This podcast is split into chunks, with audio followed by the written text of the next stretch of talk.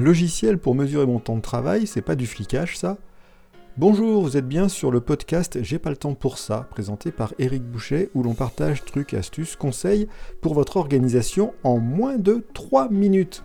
Aujourd'hui, on va parler de Toggle, qui est une application qui va permettre de mesurer le temps que vous passez sur vos différentes activités. Attention, je parle de mesurer vous-même, pour vous, pour comprendre ce qui se passe. Vous pouvez bien sûr partager ces mesures avec d'autres si vous le souhaitez, mais avant tout, si on se pose la question ici, c'est simplement pour comprendre où passe mon temps dans la journée.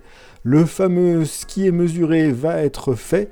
Euh, c'est un peu ça ici. On ne peut changer que ce que l'on connaît. Si je ne sais pas combien de temps je passe sur mes différentes tâches, je vais avoir du mal à le modifier.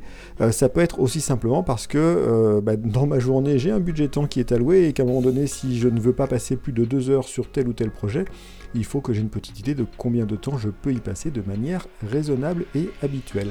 À quoi va servir Toggle spécifiquement et plein d'autres qui peuvent faire ce genre de tâches À euh, mesurer par tâche, projet, client, le temps que vous passez. Le bénéfice de ces outils, c'est qu'ils fonctionnent généralement selon deux modes. Un mode dit déclaratif, où je vais simplement entrer mon temps. Ça peut être en fin de journée, ça peut être en fin de semaine, et je vais dire sur tel dossier, j'y ai passé deux heures, sur tel autre, j'y ai passé une demi-heure. Et euh, le temps que ça vous prend, c'est simplement d'aller renseigner ça.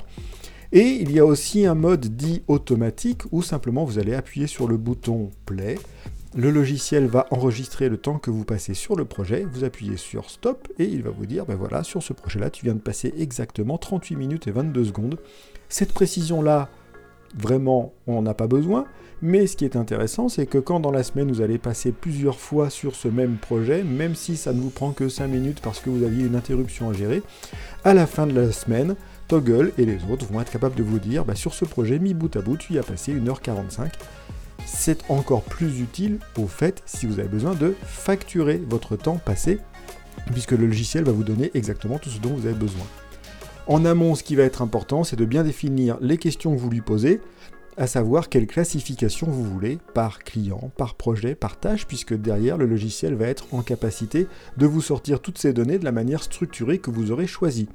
Donc, encore une fois, mesurer son temps, c'est comme organiser ses tâches, à quoi ça va me servir, qu'est-ce que je cherche à apprendre, qu'est-ce que je cherche à modifier.